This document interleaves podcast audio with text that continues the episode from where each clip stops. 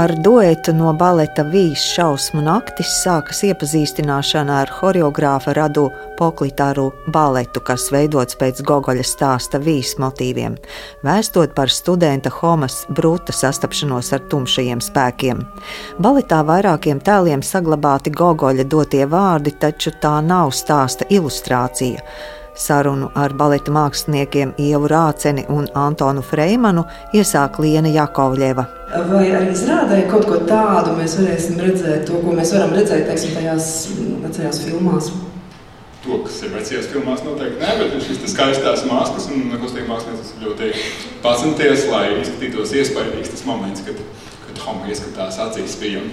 Strādājot ar Radu Poklitāru, un es pieņemu, ka pirmo reizi, Šis atkal ir mm, tāds jauns ceļš un atkal jauna taka jūsu mm, kā baleta mākslinieku droši vien attīstībā un tajā jūsu mākslinieckajā profesionālajā ceļā. Kas ir tas, ko tieši radu Poklitāru jums kā māksliniekiem dod un varbūt kādus izaicinājumus? Nu, es teiktu, ka viņam ir ļoti spēcīgi dueti. Ir liela vērība pielikt pie detaļām, ko nozīmē katra detaļa, katra kustība, kāda nianse. Kas absolūti nav mazsvarīgi, ja ir žests, tad viņš tur būs un viņam būs uh, speciāla doma priekš tā. No laikmetīgajiem choreogrāfiem netipiski viņam ir tas, ka, viņš, ka viņam kustībām ir tiešām ļoti dramaturgiski piesātināts saturs. Katrai kustībai ir noteikta emocija pielikta klāt un noteikts tekstīns apakšā. Ja? Tas ir kā runāt dramatiskajā teātrī ar ķermeni dejo viņa baletus. Jā, es tieši par to teātri gribēju vaicāt. Vai ir tā, ka šajos laikmatīgos baletos, kuros jūs aizvien vairāk un vairāk tiekat iesvaidīti, tas aktieriskais gars arī laužas vairāk laukā kā varbūt klasiskajā dejā? Pilnīgi noteikti. Šeit ir vairāk iespējas viņu parādīt. Klasiskajā dejā tomēr tur ir kanoni, kur tev ir jāievēro un bez viņiem tu nekur neies. Bet šeit tiek dot liela vieta gan choreogrāfa paša iecerēm, kā viņš grib redzēt tēlu, gan arī pašam tev, kur tu vari no sevis pielikt klāt. Kā jūs jūtat šo Aleksandra Rodinas skaņu pasauli palīdzošu? Pilnīgi noteikti. Man katru duetu ir stipri vieglāk dejot. Es, es jūtu, ka choreogrāfs ir līdz tieši uz šo mūziku duetus. Visa partitūra kustība, kas mums ir, tad viņa ir mans matā ar uh, emocionālo pusi mūzikai. Vērienīga, šausmīga mūzika, ļoti skaista un radoša, šausmīgi precīzi. Viņš katrā viņam ir detaļām zināmas, kas notiek uz kuru frāzi, uz kuru taktē. Jā, šausmīgi muzikāls iestudējums. Šausmas būs? Nu, kā kuram, bet domāju, ka jā, ka būs.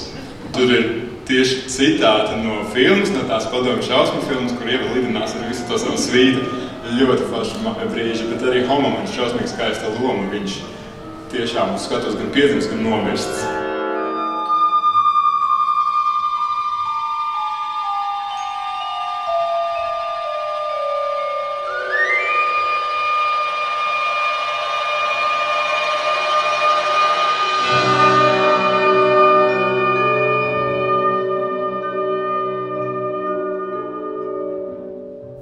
Te jāatgādina, horeogrāfs Radu Poklitāru ir dzimis Kišiņevā, Moldovā, bijis Baltkrievijas lielā teātra dejotājs, divus gadus pildījis Moldovas Nacionālās operas galvenā baletmeistara pienākumus, bet 2006. gadā ar filantropa atbalstu dibinājis pats savu teātri - Kijivas moderno baletu. Horeogrāfs līdz šim radījis ap 50 piecēlienus un pilna apjoma iestudējumus. Radu Поклитару atklāja, kā radies балets «Вис». Я к тому времени проработал достаточно долго в Украине, и, в принципе, многие ко мне относятся как к украинскому хореографу, к режиссеру, и Es jau biju diezgan ilgi nodzīvojis Ukrajinā. Daudzi man uzskata par ukrāņu choreogrāfu un režisoru, bet man nebija nevienas ukrāņu izrādes. Tas nelika mieru, urdīja. Man jāiestudē kāds ukrāņu darbs jo es mīlu šo valsti. Tā ir kļuvusi par manām mājām, par manu otro dzimteni. Es ilgi meklēju sižetu, jo mūsdienu baletam ir svarīgs literārais pirmavots. Daudz lasīju, meklējot sižetu, līdz mans draugs, komponists Aleksandrs Rodins, pateica burvju vārdus. Man ir uzrakstīta svīta Gogoļa vīs. Nodomāju, tas ir liktenis, atteikties nevaru. Paklausījos mūziku, un es pieķēros Aleksandram un viņa mūzikai. Vispirms Kijivā, tagad arī uz Latvijas Nacionālās operas skatuves. Ceru, notiks brīnums ar nosaukumu Vīs. Латвийской оперы произойдет чудо под названием «Вий».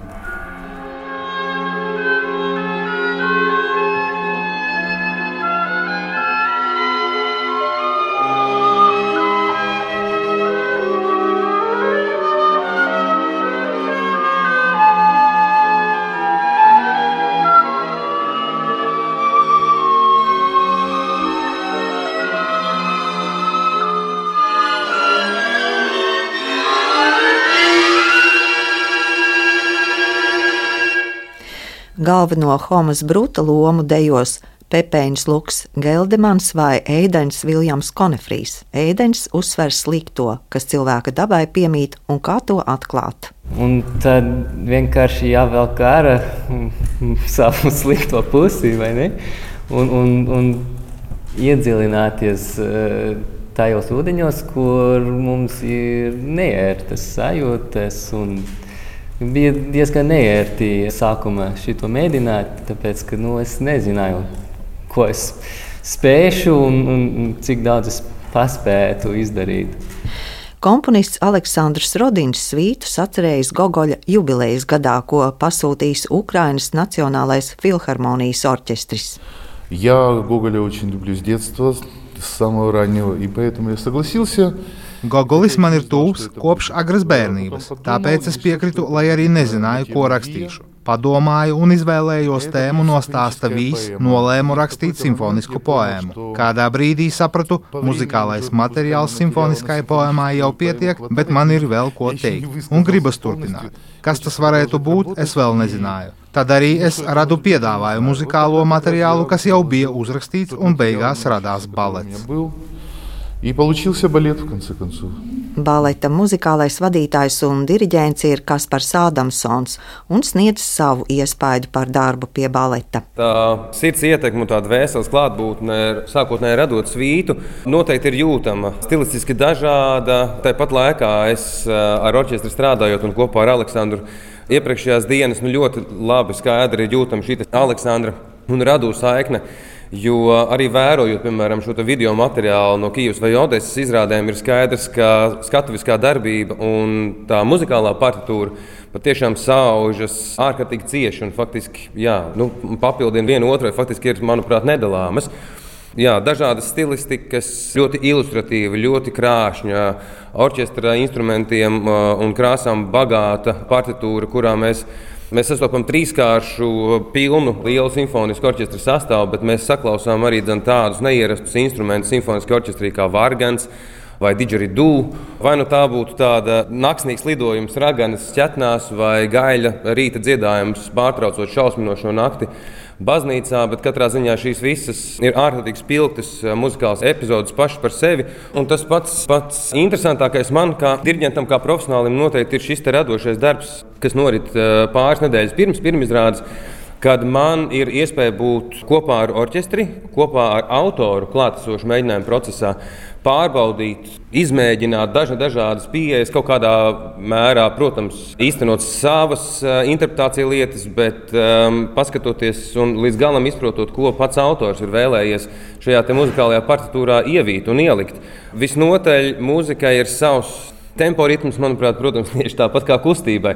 Bet kas choreogrāfam ir bijis? Ну, для меня история повести Гоголя это в первую очередь про потерю Mans Gogoļa stāsts vīs galvenokārt ir par zaudējumu, par cilvēku iekšējās būtības, morāles zaudēšanu, un galvenā varoņa sodīšana ir viņa paša vaina.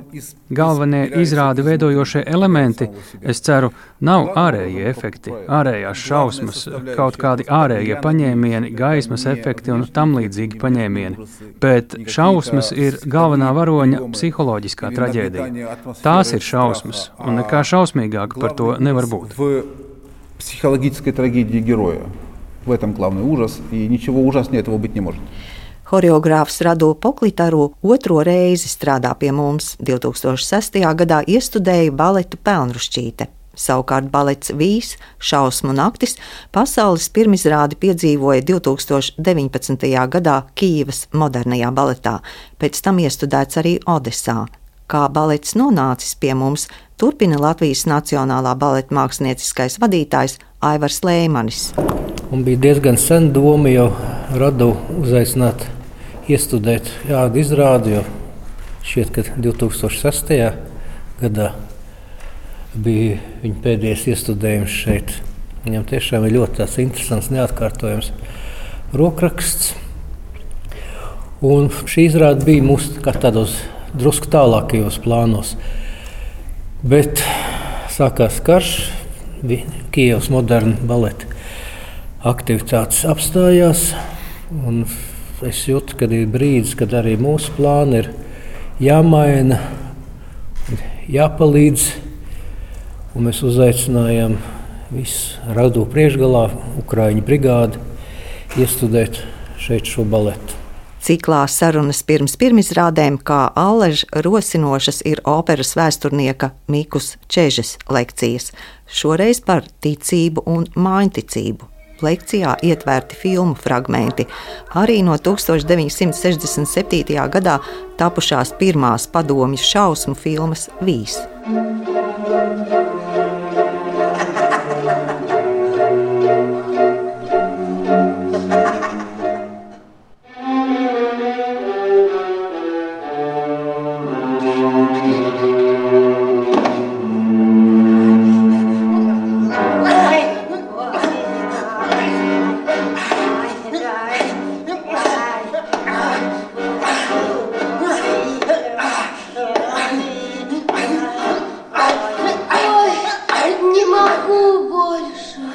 Gogoļa tekstā nekas neliecina, ka rakstnieks būtu baidījies no mūžīgas sievišķām.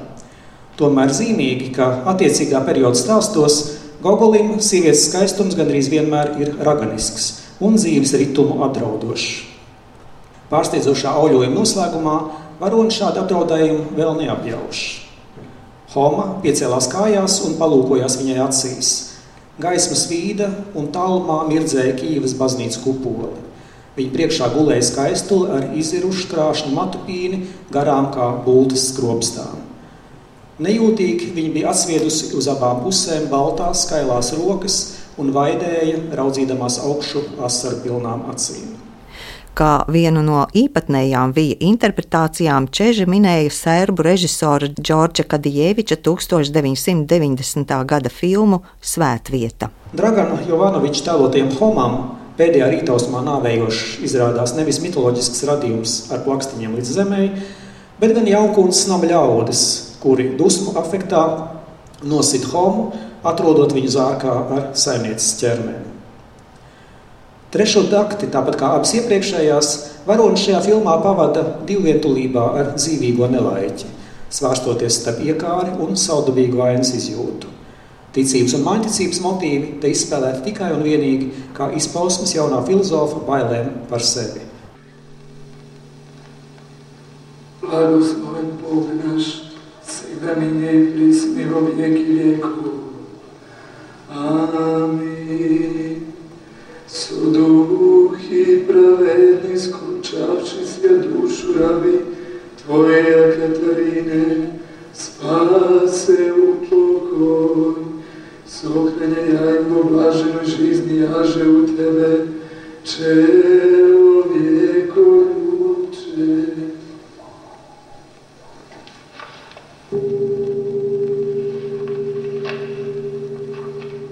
Mikola Gogolis stāstu vīst pabeidza rakstīt 1833. gadā, bet no kā baidās mūsdienu cilvēks, arī uz to atbildi sniedz Mikus Čežs. Mūsdienu vīs, no kuras skatiena baidās visa progresīvā cilvēce, ir vecums, jeb vecumdienas ar mazu pensiju.